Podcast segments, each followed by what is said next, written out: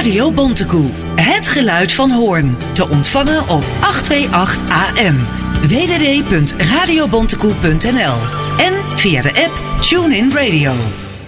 Tegenwoordig heb je nieuwslezers die lezen niets meer van een papiertje. Die hebben autocue, die leren alles niet uit hun hoofd. Die staan s morgens op en zeggen... staat allemaal op papier.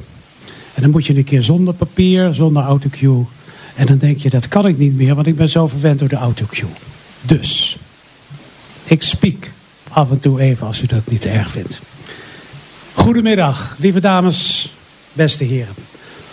Op een, uh, ik zal me even aan u voorstellen trouwens, dat is altijd de netjes. Hè? Als je ergens binnenkomt, over nieuwslezers gesproken. Ik ben Edvard Niesing, heb jarenlang bij de KRO gewerkt, RTL Nieuws, enzovoort. Dan weet u wie er hier voor u staat. Welkom op een bijeenkomst die eigenlijk feestelijk zou moeten zijn. Een feestelijk tintje zou moeten hebben. Wat een boekuitreiking. Ja, dat horen toeters en bellen en vlaggen bij. Maar de aanleiding is eigenlijk ietsje minder feestelijk dan dat een boekpresentatie feestelijk zou moeten zijn. Ik vraag u alleen, het komt wel vaker voor, om uw mobiele telefoon uit te zetten, zodat we niet gestoord worden door of allerlei melodietjes die ze tegenwoordig verzinnen. Mails, WhatsApp berichten. En eigenlijk is dat heel bijzonder dat ik dat vraag. Want die mobiele telefoon die niet uitstond, is eigenlijk de redding geweest voor die dame die daar staat.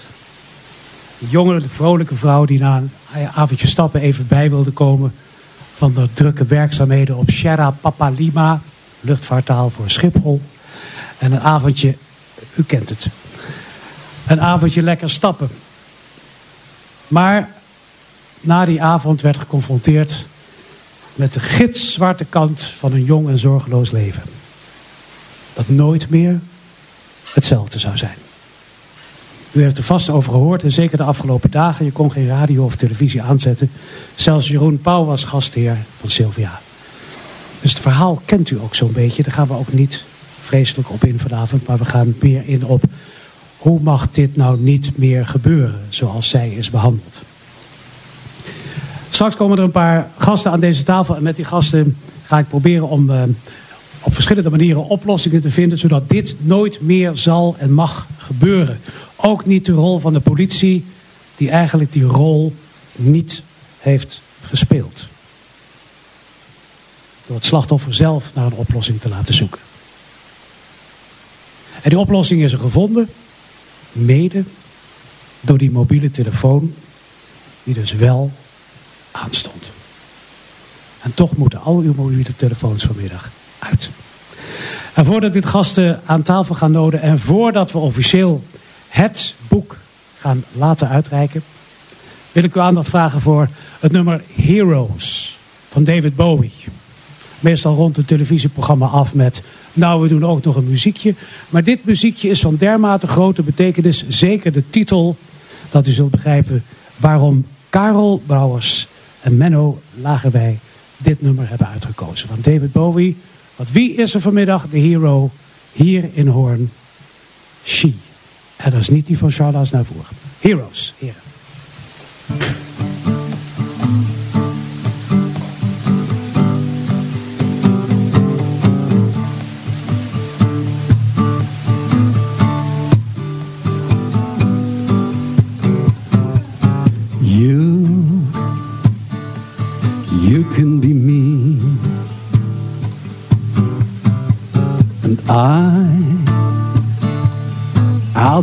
All the time.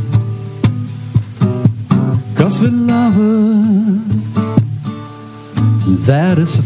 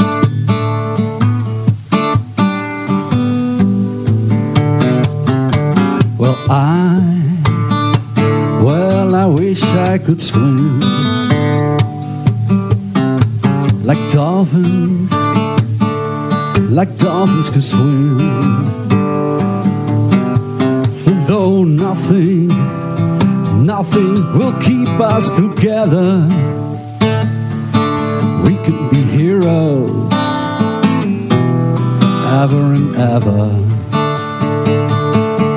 We could be heroes just for one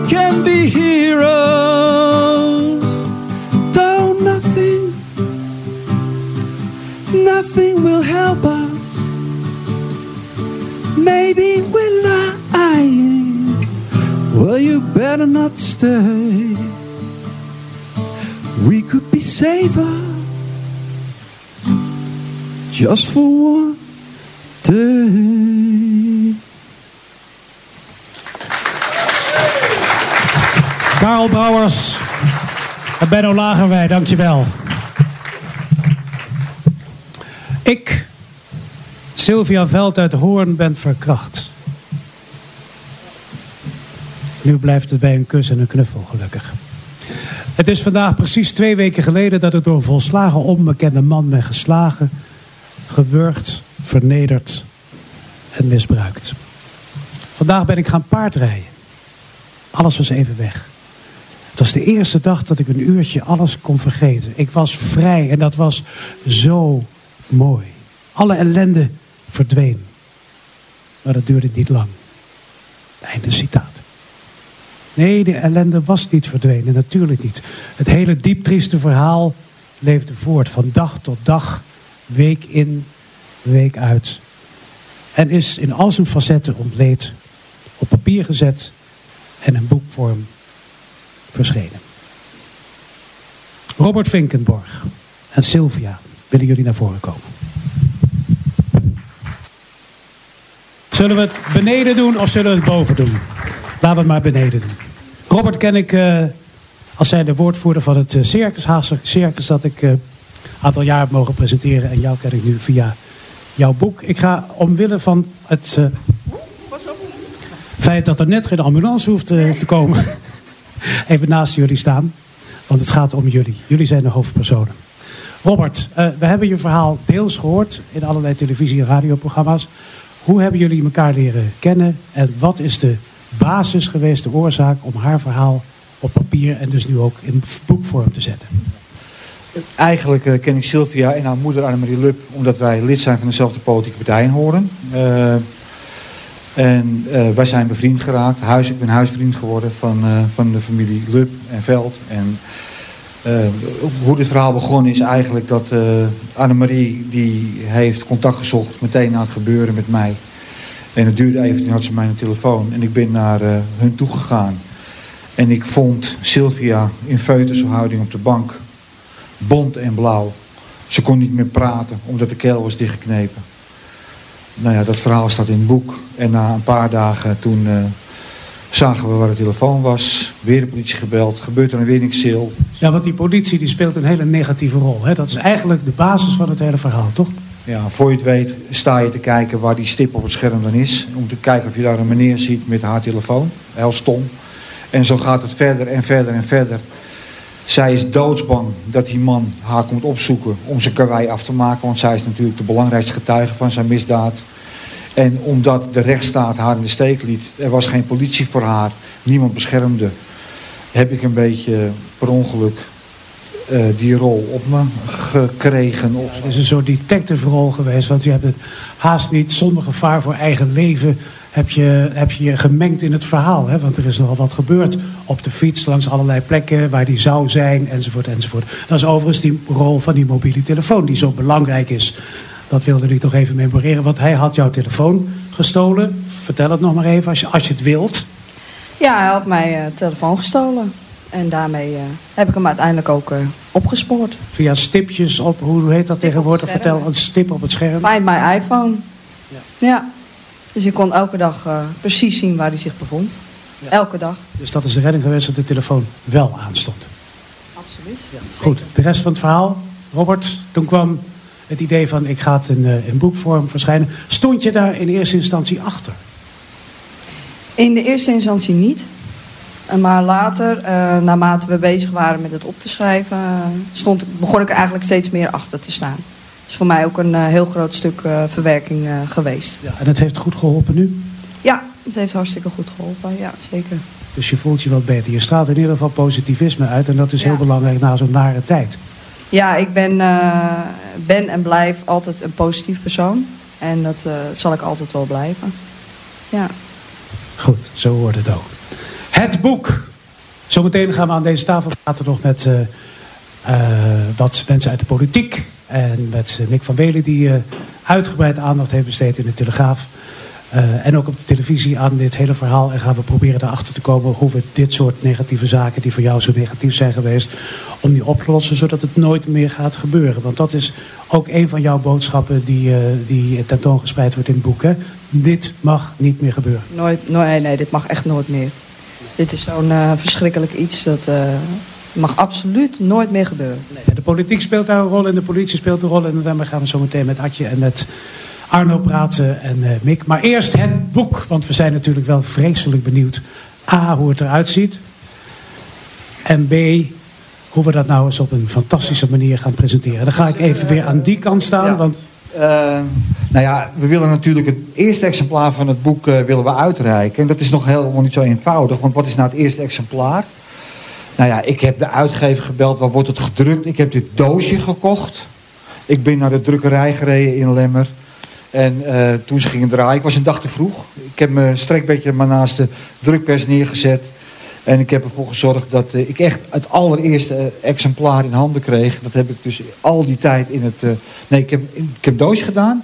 ik heb hem één keer uitgehaald. Toen heb ik bij Sylvia en ik er wat ingeschreven.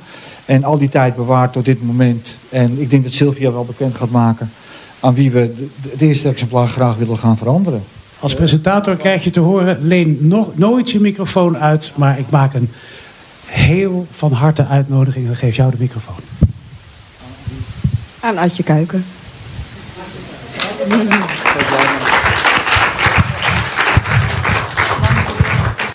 mag ik Adje even toch introduceren? Dat doen we zometeen wat uitgebreider. Maar Adje is een van de politici. Er zit hier nog een politicus ook uit de Tweede Kamer. Uh, je denkt altijd, ze doen niks in die Tweede Kamer. Maar er zijn een aantal politici die echt doen, echt wat aantrekken. Ik heb in die periode, het staat in het boek ook beschreven, heel veel contact gehad met Adje. We hebben gebeld, ook met Arno, die ook kamervragen heeft gesteld. En uiteindelijk heeft Adje samen met Katelijne Buitenweg, maar wel een motie uh, door de Kamer gekregen. Door een overweldigende meerderheid is die aangenomen. En naar aanleiding van de zaak van Sylvia, wij noemden hem al de motie SME, en dat gaat Mick allemaal nog wel uitleggen. En die motie roept op om een onderzoek te doen naar de zedenpolitie en de bejegening van slachtoffers. En we hebben nog meer boeken. Uiteraard. Uh, wij willen ook Mick van Wely ontzettend bedanken. Kom er maar meteen bij, Mick, want je bent een van de gasten met wie we zo meteen even aan tafel gaan praten. Uh, dankjewel, Mick. We gaan zo wel uh, onze band vertellen. En Arno Rutte. Nou, er zijn meteen alle gasten geïntroduceerd, dames en heren. Ja, en ik ga een beetje water vragen op die tafel, als dat mag. Arno, dankjewel. Uh, want ik, mijn keel is nu al droog. maar jij mag het verder zeggen, Edward. Wat gaan we doen? Nou, ik sluit me graag aan aan tafel. Ik lijk Matthijs van Nieuwkerk wel. Aan tafel. En allemaal. Er is een. Wat ik wilde zeggen, er is een zaalmicrofoon, maar die heb ik in handen. Maar we gaan zo meteen praten over uh, eventuele oplossingen die er moeten komen. Dus met, uh, met de gasten die ik zo meteen nog even zal introduceren. Mochten er vragen zijn uit het publiek, stelt u ze alstublieft. Gaat u niet al te zeer op de zaak in, want dat verhaal is inmiddels bekend. En dat leest u terug in het boek, wat zojuist is gepresenteerd. En, uh, maar mochten u bij uw vragen reizen, dan bent u van harte uitgenodigd om die te stellen. Dus als ik ook nog even zou mogen vragen om wat glaasjes water dan zou ik uh, zeer dankbaar zijn. De gasten van vanmiddag, die introduceer ik graag. Van, uh, van links naar rechts. Arno Rutte van de VVD, Mick van Wely. En Adje Kuiken van de Partij van de Arbeid. Mick van Wely van de Telegraaf natuurlijk. Mag ik bij jou beginnen? Uh, Mick, je hebt ontzettend veel aandacht besteed aan dit hele verhaal. Wat was de aanleiding daartoe? Nou, ik weet nog wel dat uh, het begon in november 2016. Toen belde, of, uh, belde Robert Vinkenborg mij over dat er een, aan, een, een, aanranding was geweest. En het was een beetje een, een nou, hij zei ook, hij moet even wachten nog en dit en dat. En ik kon het heel moeilijk inschatten. Ik vind zedenzaken altijd heel lastig, omdat soms proberen mensen die ruzie met elkaar hebben, elkaar de schuld te geven uh, door elkaar te beschuldigen van aanranding en dat soort zaken. Of uh, aanrandingen blijken verzonnen door, door meisjes die bijvoorbeeld te laat thuiskomen en dan een smoes verzinnen. Dus je moet echt ontzettend voorzichtig zijn. En het zijn natuurlijk überhaupt hele gevoelige zaken ook. Dus ik was in het begin heel terughoudend. En we hebben er heel lang, lang contact over gehad.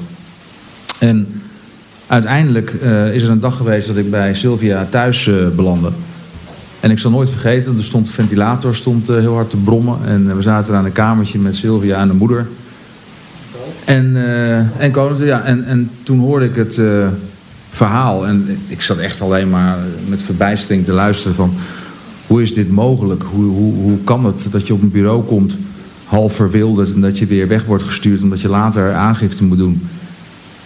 En uh, hoe knap het was dat ze dus uh, uiteindelijk zelf de dader opspoorden door de telefoon, uh, ja, de gegevens van een telefoon te gebruiken. Hoe stom die man ook was dat hij die telefoon gewoon bleef gebruiken. Dat is echt ook wel bizar. En ik vond het heel dapper dat ze haar verhaal deed natuurlijk. En nou ja, het was een, een hele heftige zaak. En ik vond een van de lastigste aspecten van het hele verhaal dat ik Sylvia een keer heb moeten vragen van weet je zeker dat het zo is gegaan? En, en ik moest natuurlijk zeker weten dat, dat ik geen zeepert zou maken en dat de feiten klopten. En dat was wel het meest pijnlijke en dat vond je ook niet leuk. En daar hebben we ook wat gedonder eh, mee uh, gehad. En, uh, maar dat hoort erbij. Je moet je als journalist natuurlijk alles checken. En we zijn nog op pad geweest met Robert naar de plek waar het gebeurde. En hebben we nog aangebeld. Bij mensen kwamen we ook weer achter allemaal uh, zaken. Dus het was een heel bijzonder traject. En ik heb echt ongelooflijk veel respect voor Sylvia, hoe ze dat allemaal heeft gedaan. En uh, nu ook weer de talkshows. En uh, nou, Robert die het boek heeft geschreven, die haar al die tijd uh, als een soort bodyguard heeft begeleid. Sylvia, deed het jou zeer dat, dat Mick jou moest vragen naar echt het waarheidsgehalte? Had je niet het idee van, nou, dit, dit, dit verzin je toch niet? Het deed zeer, maar ik begreep het wel. En je deed er met, daardoor met gemak aan mee, of heeft het je toch wel de nodige moeite gekost? Nee, het kostte me geen, uh, Nee? geen moeite. Nee, ik, ik begreep, dat zeg ik, ik, ik, het deed me echt wel zeer, maar ik begrijp het wel. Ja. Ja. Goed, hoe kwam het bij jou over? Mick, vond je het lastig om te vragen van... hallo, ik ben wel de journalist die een stuk in de krant gaat schrijven... en niet dat ik later beticht word van het feit dat ik fantasieverhalen... Was dat voor jou ook lastig? Ja, dat is natuurlijk het verhaal. Volgens mij doet niet meer. Oh jawel. Ja, nee, dat was hartstikke lastig. En eh, ik heb haar ook heel vaak eh, heb ik het eh, weer, weer opnieuw laten vertellen. En heel scherp zitten kijken van, hey, is, is het verhaal wel consistent? Hè?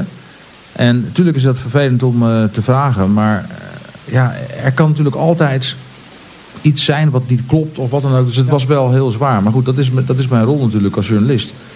En, dus dat vond ik wel heel vervelend. Maar ja, nee, eh, zij kon ook heel goed vertellen wat er allemaal gebeurd was. Had het heel erg goed op een rijtje. Super goed gedocumenteerd alles. Ook, ook op internet, de foto's, hoe ze al het werk hebben gedaan. Dat, dat maak je journalist zelden mee. Dat, dat een, een slachtoffer van iets zo goed gedocumenteerd alles heeft. Dus dat vond ik wel heel knap. Wat is jou het meeste bijgebleven uit deze hele zaak? Want je hebt eh, er maanden ben je bezig geweest, naast andere zaken natuurlijk. Eh, is dit een speciaal geval geweest? Of was het een van jouw werkzaamheden die jou boeide en die in de krant moesten? Nou, ik, ik, ik, dat is wel zeker een van mijn eh, meest bijzondere zaken geweest die ik heb. Of zaak, dat klinkt zo koud. Maar een van de meest bijzondere verhalen geweest die ik heb geschreven. Maar vooral ook omdat vanwege het hele voortraject en de impact die het had. eh, en de gevolgen ook. Hè. Dus Ja. kamervragen, eh, nou, dat weten we. En nu een groot onderzoek wat komt. Een, inspectierapport van de politie. Het heeft echt enorm veel teweeggebracht. En een boek. Dus eh, ja, als journalist maak je een paar keer eh, van die, dat soort grote zaken mee. Dit was er wel eentje. Ja, de politiek, daar komen we- ja Robert? Nou, even nog in aanvulling op Mick. Ehm, het is ook allemaal niet zomaar gegaan. Eh, kijk, zij, zij, zij stond in de kou. De politie werd gebeld, er gebeurde niks. En op een gegeven moment toen, toen ik geloof dat Annemarie Lup, haar moeder, dat ook al vrij snel opperde. We moeten de publiciteit gaan zoeken, want dat was ons enige wapen. En dan ga je ook niet zomaar met iedereen in zee. En jij hebt eh, iedereen gecheckt, Mick, maar we hebben jou ook gecheckt. Ik eh, kan het wel onthullen. Wij hebben contact gehad met een oud collega van jou. Eh, jij kent er ook wel Vanessa Bontje. Van wie is er nou echt te vertrouwen? Ah, ja. Wij vonden wel dat de Telegraaf de krant was om dit te gaan doen. Want jullie hebben gewoon ja, de beste misdaadverslaggevers. Eh, dus wij hebben heel vroeg eh, contact gehad. Eh, echt met een bewust doel. Zo van dit mag niet onder het vloerkleed. En ook die rechtszaak, dat moet niet uitmonden in nou, helemaal niks. Dus ons doel was echt dat toen op 9 juni die rechtszaak begon... dat het vol zou staan met pers. Daarom hebben we jou ook wel een beetje bewerkt om dat op 7 juni, op die woensdag voor de rechtszaak, groot in de Telegraaf te brengen. Dat deed je met verven. Een geweldige grote kop. Eh, we onthullen ook eh, in het boek wat dat gedaan heeft met de politiek en met de staatssecretaris. Eh, maar wat moesten wij anders? Het was ons enige wapen en we wilden wel dat ons wapen betrouwbaar was. Dat ben je al die tijd geweest, Mick. Eh, je hebt ook je eigen journalistieke rol. We hebben ook gebotst. Eh, soms pittig. Maar daarvoor wil ik je wel bedanken. nou, leuk om te horen, dank je. Oké, nou dan komen we bij de politiek. Ik hoor dat er in ieder geval één iemand voor wil applaudisseren. Eh, misschien zijn er mensen die zich erbij willen aansluiten. Kom ik graag bij die politiek. Ik krijg dit eh, opgestuurd. Ik, eh, het verhaal van Sylvia, schrijft Ria Kuiken, heeft diepe indruk op mij gemaakt. Ik ben blij dat ze op warme steun van de familie en vrienden kan rekenen. Hoe in schril contrast, en ik lees het maar voor, want dat is haar mening en de rest vertelt ze zo meteen zelf. Hoe in schril contrast staat dat met de wijze waarop ze in de steek is gelaten door de politie. Dat heeft jou, en we hebben afgesproken dat ze zou tutoyeren, aan het denken en aan het werk gezet, hè Adje? Klopt. Nee, ik vond het verschrikkelijk om te lezen. Want je wil gewoon als slachtoffer dat je gehoord wordt, dat je serieus genomen wordt. En niet dat je naar huis toe wordt gestuurd. En dat is hier feitelijk wel gebeurd. Eh, en daar moeten we van leren. Dan moet de politie hier van leren, maar in heel Nederland. En daarom hebben we de minister gevraagd. eh, ik wil, wij willen in beeld gebracht hebben. Hoe gaat het nu met de bejegening van slachtoffers? Wat gebeurt er op het moment dat je aangifte komt doen? En hoe kunnen we dat eh, verbeteren? Want wat Sylvia is overkomen, kunnen we nooit meer goed maken. Maar we kunnen wel, en dat is ook de aftrap van haar boek. uh, hopen dat we de lering uit, lering uit kunnen trekken voor andere uh, slachtoffers. Waar je ook bent in Nederland, wie je ook bent, of je een man bent of vrouw bent. Als je aangifte komt doen van zoiets verschrikkelijks. Dat je er zeker van bent dat je gehoord wordt en dat je serieus genomen wordt. De minister uh, gaat dat onderzoek nu uitvoeren. Onderzoek ook over onder slachtoffers zelf in heel Nederland. Dan zijn we natuurlijk niet klaar. Want daarna moeten we ook zorgen dat de politie ook daadwerkelijk gaat handelen zoals wij dat willen zoals Sylvia dat wil. Uh, en dat er lessen uitgetrokken worden. En dan mijn laatste opmerking. Daarom vond ik het ook zo teleurstellend. Dat ook na het verschijnen van het inspectierapport. Waarin duidelijk blijkt dat de politie niet goed heeft gehandeld. Er wederom allerlei verontschuldigingen kwamen. In plaats van gewoon keihard sorry. We hebben het niet goed genoeg aangepakt. We gaan hiervan leren en we gaan zorgen dat dit in de toekomst beter gaat. Dat vond ik misschien nog wel het meest teleurstellend. Uh, en het meest verdrietige na deze hele zaak, ja. na wat zij heeft meegemaakt. En hoe, maar hoe kwam het? Wat was de oorzaak? Was er te weinig capaciteit? Was er geen interesse? Wat was nou specifiek de oorzaak? En nou ja, we waarom lezen... reageert men nu van oké, okay, dit moet beter? Nou ja, het, het, het, het, het vervelende eigenlijk van het inspectierapport is... staat heel duidelijk beschreven wat er allemaal fout is gegaan. Maar de vraag waarom hebben we nog steeds niet helemaal helder capaciteitsgebrek, ik denk dat dat een rol speelt door heel Nederland. Maar ik geloof niet dat dat nou hier de hoofdoorzaak was. Omdat er zoveel informatie is aangeleverd door Sylvia, door Robert, door haar familie, door Mick. Uh, ik, dat is, volgens mij kan dat niet het excuus zijn. Mick, en jij wilt uh, reageren, Mick? Oh, sorry. Ja, ik denk dat... Ik denk dat ja. Uh, ik denk dat je hebt natuurlijk inderdaad gewoon een, een aantal punten die, die je net ook noemde. Maar ik denk dat het een breder probleem is bij de politie. Dat mensen van het kastje naar de muur worden gestuurd. Dus dan, dan kom je eerst en dan heb je, is, heb je een bepaald contactpersoon. Dan kom je een paar weken later en dan is die persoon er niet. En dus kun je je verhaal niet doen. He, in plaats van te nou zorgen dat je dan een vervanger hebt of zo. Wat dan ook. Dus dat is, dat is kastje naar de muur worden gestuurd. Mensen die niet bereikbaar zijn. En heel erg in eilandjes werken. Hier bijvoorbeeld had de afdeling Zeden gebruik moeten maken van de, de, de expertise van de groep cybercrime. He, dat, dat is ook later gezegd. Nou, waarom dat niet gebeurt, is echt onbegrijpelijk. He, dan heb je dus daar een eilandje, daar een eilandje... in plaats dat ze dan overleggen met elkaar. En, uh, dus dat, dat, dat zijn van die typische politiedingen. Net zoals uh, dat er gewoon niet nadrukkelijk is gezegd... jongen, jongen, we zijn echt de mist ingegaan. En, en, en dan gaan, wordt er gezegd, ja, het is uiteindelijk wel binnen de termijn gebeurd. Daar gaat het niet om. Je hebt dus iemand, uh, met iemand te maken die, die zich... Uh, die zwaar teleurgesteld is. En dat is heel slecht. Ja, maar daarom ook mijn stelling. Het excuus van gebrek aan capaciteit is mm -hmm. hier niet uh, de reden. Dit was niet een hele ingewikkelde zaak. Dit vroeg niet heel veel capaciteit. Dit zit er meer in inderdaad dat men niet goed gehandeld heeft, niet goed doorgerechercheerd heeft. En uh, in plaats van dat men zich echt oprecht verantwoordelijk voelde, te veel heeft doorverwezen, zoals Mick ook zegt. Ja, Arno, jou, jouw rol binnen de, de Tweede Kamer, in hoeverre sluit die aan bij de rol van jou niet partijgenoot, maar toch wel iemand uh, die je in deze zaak gevonden hebt. Wat is jouw rol hierin en wat doet de VVD daar dan aan naast de Partij van de Arbeid? Nou, het, ten eerste zo, ik ben, ben zelf uh, um, al wel wat langer Kamerlid, maar nog niet zo heel lang betrokken bij het dossier politie. Dat ben ik sinds november 2017 en dat was ik nog niet. Of ik kreeg al een mail van Robert van mogen wij eens met je in gesprek. En we hebben eerder een gesprek gehad met Klaas Dijkhoff. En dat ging meer over hè, de, de, de, de, illegaliteit en hoe daarmee om te gaan in dit, in dit geval. Um, en, maar wil heel graag nog verder praten. En ik dacht meteen, dat moet ik doen. Ik moet horen, want het verhaal is natuurlijk bekend. Mede ook dankzij Mick, dankzij het lef dat jullie gehad hebben om publiciteit te zoeken. En ik moet dat verhaal horen om ook te snappen wat er niet goed gaat bij de politie. Want politiek heb je daar een verantwoordelijkheid voor. Dus we hebben elkaar gesproken, elkaar gezien. Uh, had je ook weer een tafel uitgenodigd. Ook omdat um, dit niet een partijdingetje is. Dit is gewoon een politieke verantwoordelijkheid, heel breed, die ook zo gevoeld wordt, dat het niet zo mag zijn dat mensen die aangifte doen van een vreselijk zedendelict in de kou komen te staan. Het moet zo zijn dat je opgevangen wordt door de politie, serieus wordt genomen en dat de politie voor jou het onderzoek doet en dat je dat niet zelf hoeft te doen. Nou, en dat voelen we heel erg breed en dat is ook de reden waarom uiteindelijk Adje motie heeft ingediend die wij van harte hebben gesteund. Dat we moeten kijken in Nederland, hoe gaat het dan met die uh, zedenrecherche? Krijgen ook wel signalen dat het op sommige plekken heel goed gaat. Nou prima, maar laat dat dan de norm zijn. En zorg dan dat het overal even goed gaat. Dus we moeten dat, dat onderzoek, de resultaten hopen binnenkort te krijgen. Maar de volgende fase natuurlijk ook dat we dan er bovenop zitten om te zorgen dat het dan ook overal goed gaat. Het is wel eens lastig, want de constatering van Mick... Hè, dat er ook soms slecht wordt samengewerkt binnen de politie...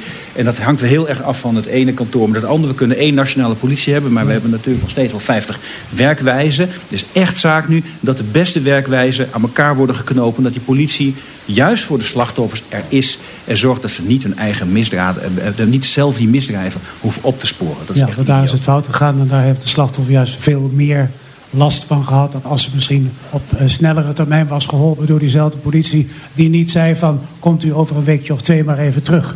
Ja, en het zit hem ook wel, toch ook wel een beetje, en dat bleek ook in die reactie aan het eind, hè, na dat onderzoek, de inspectieonderzoek, van ja, het is wel binnen termijnen gebeurd.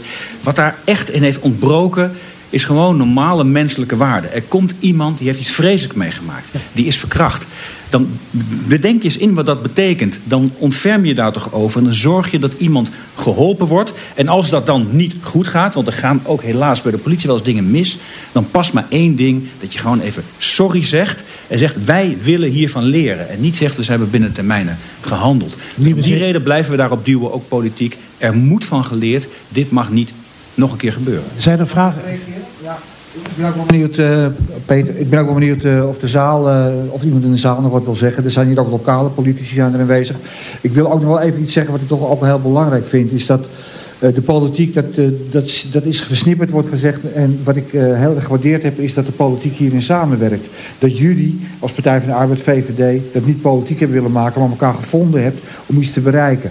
Enigszins teleurgesteld zijn wij dan wel ook weer in de PVV, moet ik zeggen. Wij hebben ook, toen we jullie ontmoet hebben, een heel goed gesprek gehad met eh, Lilian Hel- Helder. Dat was, eh, was een heel warm en goed gesprek op zich, een menselijk gesprek. En eh, Sylvia heeft het ook heel erg gewaardeerd. Maar uiteindelijk stemt de PVV dan als enige partij tegen die motie. Dat snap ik dan ook niet waarom dat, dat moet. Dat moest ik even kwijt. Maar ik vind juist die eensgezindheid, maak het niet politiek... en werk op dit soort dossiers gewoon samen, vind ik heel goed. Co Boos zie ik, een journalist ook. Nou, in de zaal. Die wil misschien ook. Als die... eh, even zijn vinger... Vroeger had je draadloze microfoons, die waren een heel stuk handiger. Koos, Nee, nee, dat wil niet doen. dan krijg je dat. Ko, Ja, ehm, ik ben eh, eh, toevallig... Mag ik hem vasthouden? nee. Nee. ik ben, ik ben, ehm, Anders word ik boos. Ik, ben, ik ben toevallig gisteren, dat was toeval, ben ik eh, in, een, eh, in de wijk geweest bij een eh, bijeenkomst van wijkbewoners waar ook heel veel Somaliërs woonachtig zijn en Syriërs. Die heb ik gesproken. En de Somalische gemeenschap in die wijk die schaamt zich. Ik, ik heb het eventjes ter sprake gebracht en die, die schamen zich voor, eh, voor hun, eh, voor hun eh, zich noemende landgenoten. Ja, maar het is natuurlijk, het, het slechte nieuws wordt altijd voortgebracht door het slechte nieuws. Kunnen er een heleboel mensen zijn die het verschrikkelijk vinden. Eh, er zijn een heleboel Nederlanders die niet stelen. De andere loopt naar Albert Heijn en haalt de halve winkel leeg. En dan kun je, diegene die dan in het nieuws komt, is degene die het gedaan heeft. Dus dat is eigenlijk een beetje een lastig verhaal. Want hij doet het toch. Ja, ja, ja, ja maar ja, ehm, da- daarom zeg ik net eh, de zich noemende eh, Somaliër. Want eh, daar, kijk, ik heb ehm, persoonlijk, ik ben een beetje van meet af aan betrokken geweest bij de totstandkoming van het boek. Ik heb met Robert ook wat samengewerkt en, enzovoort. Dus ik, eh, eh, eh, ik weet er wat van. En ik, ken, ik heb de jongen ook gesproken, de jongens, die, de, de getuigen die Robert later aan het dossier toevoegde op, op de valreep. Ehm, persoonlijk ben ik eigenlijk nog steeds peesnijdig. Ik ben eh, nog, nog steeds woedend over de hele gang van zaken. Ik heb eh, daarover Asje gehoord en, en, en, wat Mick zei van die politie en de- dat getalm enzovoort. Kijk, als je alle feiten op een rij neemt met betrekking tot de, de, het getalm en het, het, het gestuntel van, van, van handhaving en openbaar ministerie, dan, dan, dan vind ik dat is, dat is wat mij betreft niet onverenigbaar met mijn vermoeden dat er eh, nog in hogere regionen een bepaalde koudwatervrees heerste voor, ehm, laten we zeggen, de nationaliteit van de verdachte toen nog. Enig commentaar van de tafel daarop? Het, ik weet niet of dat zo is, maar het mag nooit een reden zijn. Ik bedoel, misdaad is misdaad, het moet worden eh, bestraft. Eh, Punt. En Ja. geen enkel excuus daarvoor. Ja, daarom zeg ik, ik kan het niet hard maken, maar dat vermoeden heb ik eigenlijk nog steeds. Dat, dat, dat, dat zweeft nog steeds, want het is namelijk niet uit te leggen eh, hoe lang, 133 dagen heeft een aan aangetoond wild beest heeft kunnen rondlopen. Hij heeft ook jonge meiden uitgenodigd bij, in, zijn, in zijn stenen hol. En dat was allemaal zichtbaar en bekend. Bekend bij politie, handhaving, openbaar ministerie, zeden wisten dat. En dan, dan, dan vind ik het 133 dagen loslopen vind ik wel heel erg, uh, heel erg lang. Maar ja, goed, we moeten ons ook realiseren wat ik al zei. Het verhaal van Sylvia staat niet op zichzelf. Dat is het vervelende eraan. Want ook naar aanleiding van haar verhaal heb ik ook weer heel veel berichten gekregen van vrouwen die dit ook hebben meegemaakt. Vrouwen die ook doorverwezen vanuit de politie rechtstreeks naar de GGD. Ga maar een SOA-test doen en dat is het dan. Dus dit is helaas niet uh, zij, Sylvia is helaas niet de enige vrouw die het overkomt. Wel die zo dapper is om de eigen, uh, zeggen, de eigen verkrachter op te sporen. Maar het is niet de enige vrouw die zo in de steek wordt gelaten. Dus we hebben gewoon iets te doen in Nederland. En we kunnen dit gewoon niet accepteren. Wie het ook gedaan heeft, wat er ook gebeurd is. Slachtoffers moeten gewoon goed gehoord en, en geholpen worden. Ja, het speelt toch, hè, wat we van de week journaal hebben kunnen zien... van Poolse vrouwen die ergens in de, in de tuinbouwteelt of in de veeteelt bedreigd worden. Als je het, het, niet met ons gaat doen, dan kun je weer terug naar Polen. Ja. En dat is natuurlijk schandalig voor woorden. In hoeverre zitten jullie daar dan op? Want dat is heel actueel dus nu. Ja, ook dat. Maar dat, dat is nog ingewikkeld. Omdat we hebben allerlei afhankelijkheid, mensenhandelaar en weet ik veel wat. Maar het zijn ook gewoon dames die na een avond stappen in Amsterdam... in een verkeerde taxi terechtkomen. Het gaat ook over uh, um, uh, volwassen vrouwen uh, die de verkeerde tegenkomen. Misschien ook na een date of wat dan ook maar. Het is niet iets... Wil, zeden, geweld, komt in alle lagen, alle kringen voort. Kan iedereen overkomen. En wie je ook bent wat de achtergrond ook is. Of je nou een Poolse bent of een Hollandse dame. Je moet gewoon gehoord worden. Je moet gewoon geholpen worden. Ja. Wat, wat, hier, ja, wat, wat, wat heel erg speelt is iets wat Mick ook zei. Kijk, zedenzaken zijn vaak complex. Bewijsvoering is ingewikkeld. Er vindt ook wel eens onterechte aangiftes plaats. Politie wil, is daar misschien wel om die reden terughoudend in. Daar kun je enig begrip voor misschien hebben. Misschien wel murf geslagen door mensen die het voor de echte slachtoffers zou, ver, verpesten. Dat, dat zou kunnen. Maar laat er dan vanuit gaan dat als, als er echt zo evidente zaak binnenkomen... en daar zijn er veel meer van... dat je dan als, ook als politieagent eerst maar eens even gewoon mens moet zijn. En je ontfermt over zo iemand. Zorg dat hij um, serieus wordt genomen. Dat je alles regelt en doet wat ook maar enigszins kan om iemand um, gerust te stellen. En het onderzoek in gang te zetten. Als er dan achteraf allemaal onzin blijft, blijkt, dan blijkt dat achteraf maar. Maar in eerste instantie gaan we ervan uit dat je over die, dat slachtoffer dat aangifte komt doen moet ontfermen. Dat mag niet ontbreken. Specialisme speelt dus een rol. Ik, een ik, specialisme speelt een rol. Dat mensen uh, in die nationale politie meer specialismen bijgebracht wordt op dit gebied dan er nu is. Zeker met in haar geval uh, een, een, dame die gewoon geen interesse genoeg toont? Nou, in ieder geval op, of vanuit die plekken waar dit soort zaken wel goed worden opgepakt, zorgen dat al die andere zedenregisseurs minstens op hetzelfde niveau komen. Want ja. ik wil niet dat je afhankelijk bent van je woonplaats of je, of je serieus genomen wordt door de politie. Dat kan natuurlijk niet. Oké, okay, uh, jij wilde nog iets zeggen, Nick? Ja, het gaat dus al mis bij, de, bij, die aangifte, bij het doen van aangifte. En, en je, je, merkt het ook dat heel veel mensen, ik noem het altijd wel het afpoeierloket van de politie. Uh, je komt eraan met een balie en zeker ook met cybercrime. Zodra het ingewikkeld wordt en iemand snapt het niet, dan zeggen ze: doe maar internetaangifte of kom morgen weer terug. Ja. Terwijl dat moet het punt zijn hè, waar je meteen serieus wordt genomen. En als burger denkt van, hé, hey, verrek, de politie is er van mij. En dat gaat zo vaak mis. Dus het begint ook daar dat die mensen beter geïnstrueerd moeten worden. Dat je er echt goede types voor moet hebben die bij de balie staan. En uh, iedere agent moet een soort zedenprotocol of een, of een basisopleiding krijgen om te weten hoe je om moet gaan met, uh, met slachtoffers van zedenzaken. Denk ik. Dus wetgeving moet veranderd worden, aan grosso modo gezegd? Nou, het gaat, dit gaat niet over wetgeving. Het gaat er gewoon zorgen dat iedereen weet. Ik, ik kom nu, er komt iemand aangifte doen. Zo handel ik. Ik stel materiaal veilig. Ik uh, kijk welke getuigen er potentieel zijn. Uh, ik neem in ieder geval de aangifte op. Als het uiteindelijk nergens toe leidt, dat kan altijd nog. Maar in basis moet je gewoon een aantal stappen uh, nemen. En dan moet het niet uitmaken of je nou in Hoorn terechtkomt of in Leeuwarden. Uh, elke uh, regisseur die daar aan die balie zit, moet het op dezelfde manier doen. In het belang van die slachtoffers. Oké, okay, tevreden Ko? Je zei dat je nog één opmerking wilde plaatsen. Misschien nog een laatste opmerking. Uh, als, je, als je het hele Kafka-traject wat, wat Sylvia heeft moeten doorlopen afzet tegen wat ik dan maar als burger noem het pamperen van de, van de verdachte. En het, de, kijk, die, die krijgt bijvoorbeeld, ik ben bij de rechtszitting geweest en die, die, die verdachte had een tolk. Maar we weten, ook als burgers in horen, er ging dat doordringen. En dat kun je ook luisteren, dat, dat, beluisteren. die jongens die spreken fantastisch goed Nederlands. En deze, deze verdachte die heeft tegen Sylvia geroepen... niet tegenstribbelen twee keer. Dat vind ik een moeilijk woord. En dan krijgt hij bij de rechtbank een tolk. Dat vind ik eh, niet in verhouding. Dankjewel. Dankjewel. De, mee eens of niet? Het is een, het is een beetje een bijzaak, hè? Nee, is ja, dat ook een beetje bepem, bepemperen van eh, mensen van... ik wil niet discrimineren, maar Ja, weet van je- Nee, anderen het punt is, als je die tolk niet geeft... eh, dan kan die zaak daar gewoon op stuk gaan. Dat achteraf de verdachte dan kan zeggen... ja, ik ben niet voldoende bijgestaan en dan heb je een probleem. Ik snap dat ongemak wel. Ik heb zelf jaren bij een rechtbank gewerkt... waar het ook zeer aan irriteerde... dat je overal nergens op zoek moest naar een tolk... voor mensen die conform procesverbaal... kennelijk toch wel voldoende Nederlands spraken...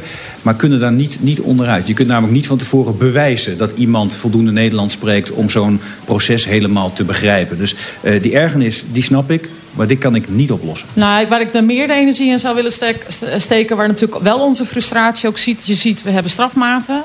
En dat je vervolgens allerlei redenen zijn... waarom het toch eh, wel van een strafeis wordt afgeweken. En dat je wel af kunt vragen... ja, is hier nog wel recht gehaald? En dat is natuurlijk ook de eh, frustratie die eh, Sylvia...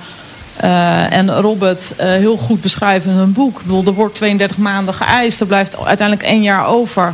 Ja, ik krijg dat als vrouw ook niet meer uitgelegd. Dus dat vind ik ook wel iets dat wij echt samen als politiek ook naar eh, moeten kijken. Ja, ben jij blij met de straf, Sylvia? Als ik het even op de vrouw af mag vragen. Ik kan me voorstellen je zegt... die man moet 15 jaar achter tralies. En dan wordt het 22 jaar en na een paar maanden is hij vrij. Ben je er blij mee met het uiteindelijke resultaat? Uiteindelijk, eh, Ja, praat maar door, dan weet hij dat je praat. het uiteindelijke resultaat. ehm, ja, Ik kom er even bij je met, eh, met de Ja, kom microfoon. Voorzichtig niet vallen. Geen draden meer. Ga.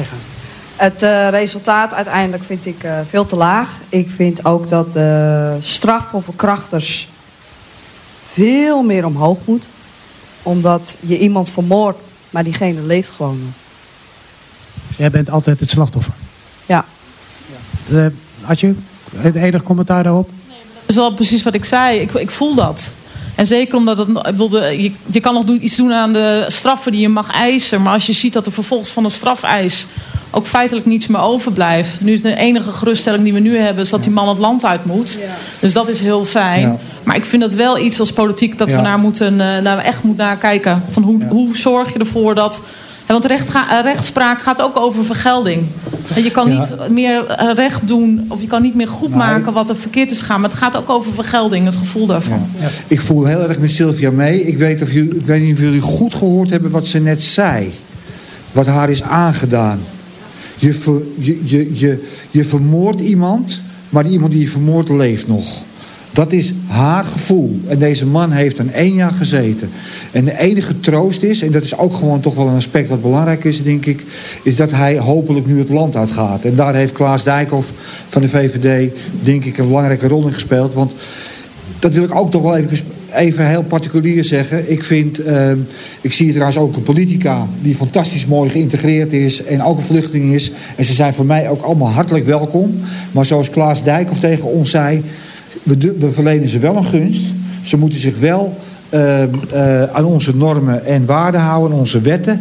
En hij zei er ook nog bij, dat heb ik maar niet opgeschreven in het boek, maar we zijn hier toch onder elkaar. Hij zei er ook nog bij, en ze moeten al helemaal met de poten van onze vrouw al blijven. Maar ik vind wel ook dat de norm moet zijn als mensen een tijdelijke verblijfstatus hebben. Voor wat mij betreft, al jatten ze een fiets, ze gaan er gewoon uit. Kijk, Mag ik nog even, e- even twee hele kleine dingetjes zeggen? Ehm, over die straf. Hè? Het is namelijk een beetje een juridisch dingetje geweest. Dat uiteindelijk was het volgens mij aanranding en zware, poging zware mishandelingen. En het zat natuurlijk heel dicht tegen een moordpoging aan. Eh, het was eigenlijk gewoon een, een poging om jou, hè, die verwurging. Dus eh, hadden ze dat wel hard kunnen maken. Wat ik nog steeds best wel raar vind. Ik bedoel, Je bent bijna ben je gewurgd dan, had- dan was de straf hoger geweest. Dus ik vond dat ook wel erg frustrerend. trouwens. Even, even Mick, ja. En, ja, even nog één dingetje. En eh, één dingetje over de politie. Ja, er zijn een hele hoop fouten gemaakt. En hele ernstige fouten. Maar uiteindelijk heeft de politiechef van... eh, dat is allemaal ook niet goed gegaan met jullie, hoe ze dat hebben gecommuniceerd. Maar uiteindelijk hebben ze min of meer wel in een telegraaf gezegd van... we geven toe, er zijn fouten gemaakt. Het ging met horten en stoten. We moesten het echt uittrekken en het duurde heel lang. En ik denk ook dat het eigenlijk niet uit zichzelf... het is niet uit, de politie zelf gekomen... Maar uh, ja, er is uiteindelijk wel een soort van mea culpa gedaan. En wat ik heel jammer vind, is dat voor Sylvia in ieder geval... Uh, dat, niet, dat niet richting haar goed is gegaan. Hè. Ze heeft nog steeds zoiets van, ja... Ik heb nooit echt gehoord van verdorie Sylvia, we hebben gewoon zwaar tekort geschoten. En waarom dat niet is gedaan, is, vind ik echt een raadsel kennelijk vindt de politie het erg lastig om een fout toe te geven. Maar... Nou ja, er is, Mick, er is nog, nog wel één pijnlijk aspect hoor in deze zaak. En dat is, daar ben je ook zelf bij geweest. De eerste keer dat we samen aangebeld hebben. Wat bij een, dat was geloof ik zes dagen voor de rechtszaak begon. Een van de ooggetuigen. Die eigenlijk al vanaf dag één in het dossier zat. Die hadden ze gewoon binnen drie uur kunnen vinden. Ja. Er was ook opdracht voor voor justitie. Maar als ze deze man veel eerder goed... Uh, verhoord hadden. En dan had die poging tot moord eruit gekomen. Want ik ga er niet te diep op in. Maar het wurgen is na de daad doorgegaan. En dat hebben twee man gezien. En dat is niet goed in een dossier gekomen dat de politie zijn werk niet goed gedaan heeft. Dus eigenlijk is hij veel te licht gestraft. Want die poging tot moord. En volgens mij heeft hij dat ook nog in het traject de maanden daarna geprobeerd. Want hij heeft er gezocht. Had bewezen kunnen worden. En dat is wel echt pijnlijk. Dus ik zou ook graag uh, het boek willen geven aan eh, minister Grappenhaus. Omdat het een uh, lering is die alle korpsen kunnen trekken, alle politiemensen kunnen trekken. Van wat, wat, en dus niet zozeer alleen maar van wat is er misgegaan, maar juist ook wat kunnen we nou doen uh, binnen onze afdeling, binnen onze teams, om hiervan te leren en niet dezelfde fouten te maken. Dus ik neem graag, ik ga straks nog een boek halen, betalen en kopen. En die geef ik aan Grappenhaus. Dus ik zou het heel fijn vinden als je die voor hem uh, zou willen uh, signeren. Ja. Ik, ik vind eigenlijk, Adje, dat je misschien wel de hele Kamer een boek moet geven.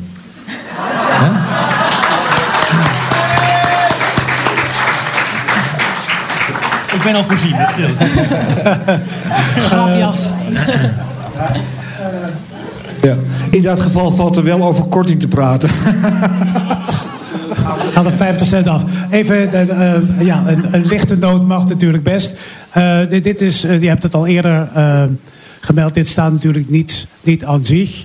er zijn veel meer gevallen. Ik ken uit mijn naaste omgeving ook mensen die, die slachtoffer zijn en die niet geholpen worden, die niet gehoord worden. Het wordt echt de hoogste tijd dat er iets gaat gebeuren. Ook in dat geval en ook in haar geval. Maar goed, wat, haar, zijn we, wat haar betreft zijn we te laat. Uh, je zegt, we gaan eraan werken. We willen op korte termijn. Wat, uh, hoe kort is die korte termijn? Nou, in ieder geval, voor de zomer moeten we een bericht hebben van de minister van dat onderzoek. Dus dan hebben we zicht op hoe dat in heel Nederland gaat. En daarna willen we gewoon harde afspraken. En dan gaan VVD, dus Arno en ik gaan dat samen oppakken om ervoor te zorgen uh, dat overal in Nederland, waar je ook komt, waar je ook aangifte gaat doen, er in ieder geval een aantal stappen worden uh, genomen om ervoor te zorgen dat slachtoffers goed worden gehoord. Dat er materiaal veilig wordt gesteld. Uh, dat het verhaal goed wordt opgetekend. En dat mensen niet van het kastje naar de muur worden gestuurd. En als ik daar nog aan toe mag, voegen. Ik, wij, toen we elkaar spraken in de Tweede Kamer was ik heel bezorgd. Ook omdat ik wist. Weet je, je gaat zoveel publiciteit over jezelf afroepen. Iedereen gaat er wat van vinden. Iedereen gaat over wat jou over vinden. Dat zat mijn grootste zorg nog wel. Als ik zie hoe je dat deze week hebt gedaan. Petje af. Ik vind het heel stoer. En ik hoop dat het, een, uh, nou ja, dat het iets is wat heel veel vrouwen helpt. Om ook de schaamte van zich af te gooien. En alsnog aangifte te gaan doen. Omdat zij zich niet hoeven te schamen. Maar de dader achter slot en grendel hoort. Zo.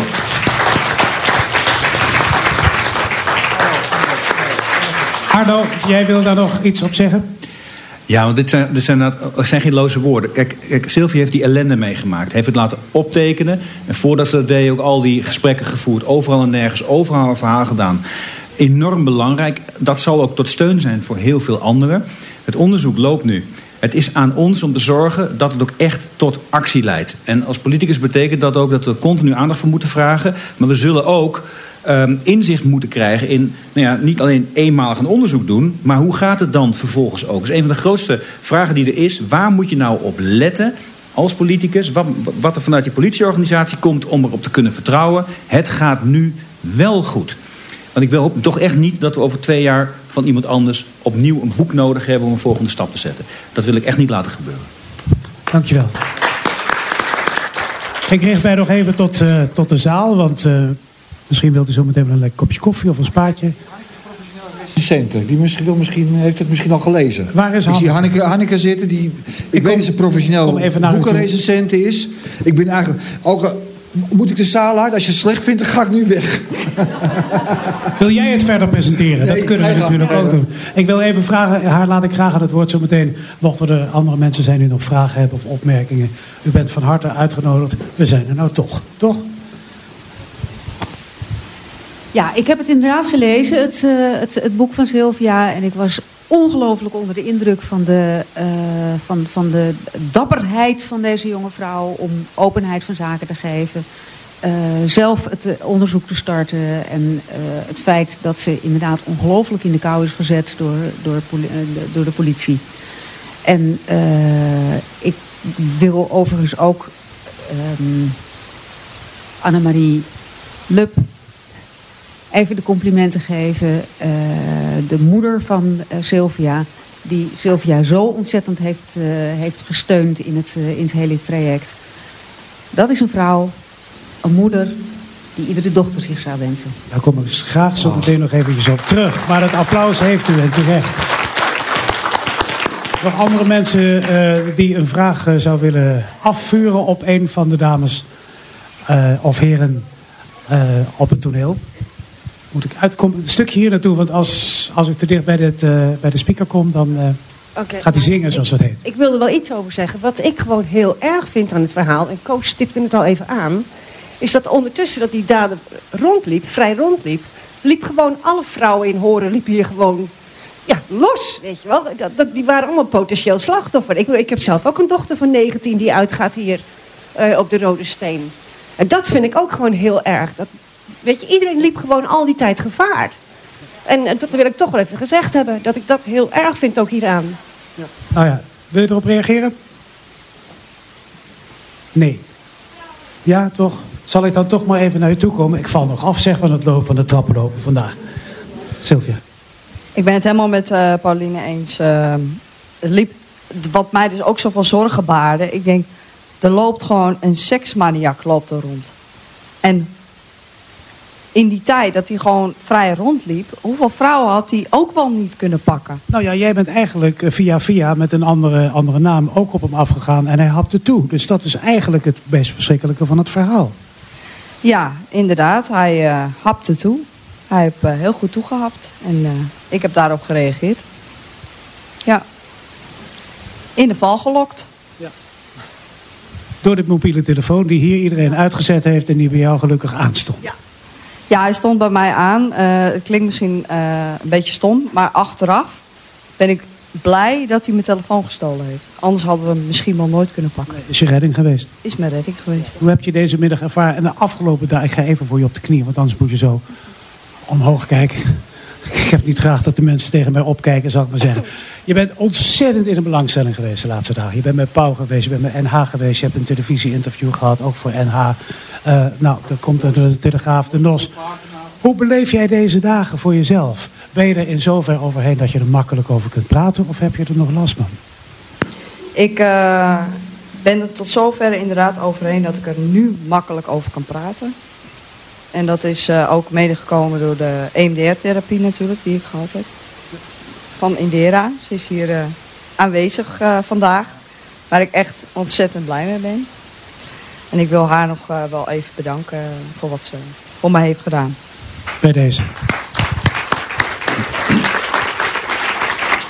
Als er geen, ehm, geen zalen meer uit, eh, geen zalen, geen vragen meer uit de zaal zijn. Dit had ik eigenlijk als inleiding. Maar het wordt nu in aansluiting op wat zij zei zojuist. En wat Robert mij influisterde. Wordt een soort uitleiding. Ik citeer. Het boek is er. Ik draag het op aan alle slachtoffers van seksueel geweld. Ik hoop dat ze er kracht uit putten en nooit opgeven. Nooit toegeven aan de somberheid. En altijd, hoe dan ook, terug zullen vechten. Want alleen door te vechten overleef je. Ik draag dit boek ook op aan, op aan iedereen die er voor mij was en is. Dank jullie wel. En ook draag ik dit boek op, ik citeer jou, aan mijn alles. Mijn lieve moeder Anna-Marie Lub. Die nog meer geleden heeft dan ik. Want hoe erg is het voor een moeder als je dochter wordt verkracht? Was getekend Sylvia.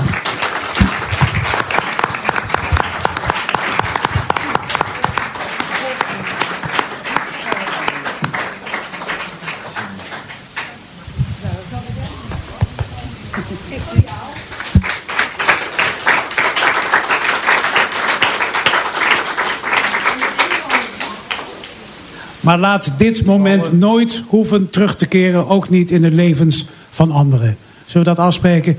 Dank jullie wel. Dank je voor het commentaar. Dank je wel, Adje.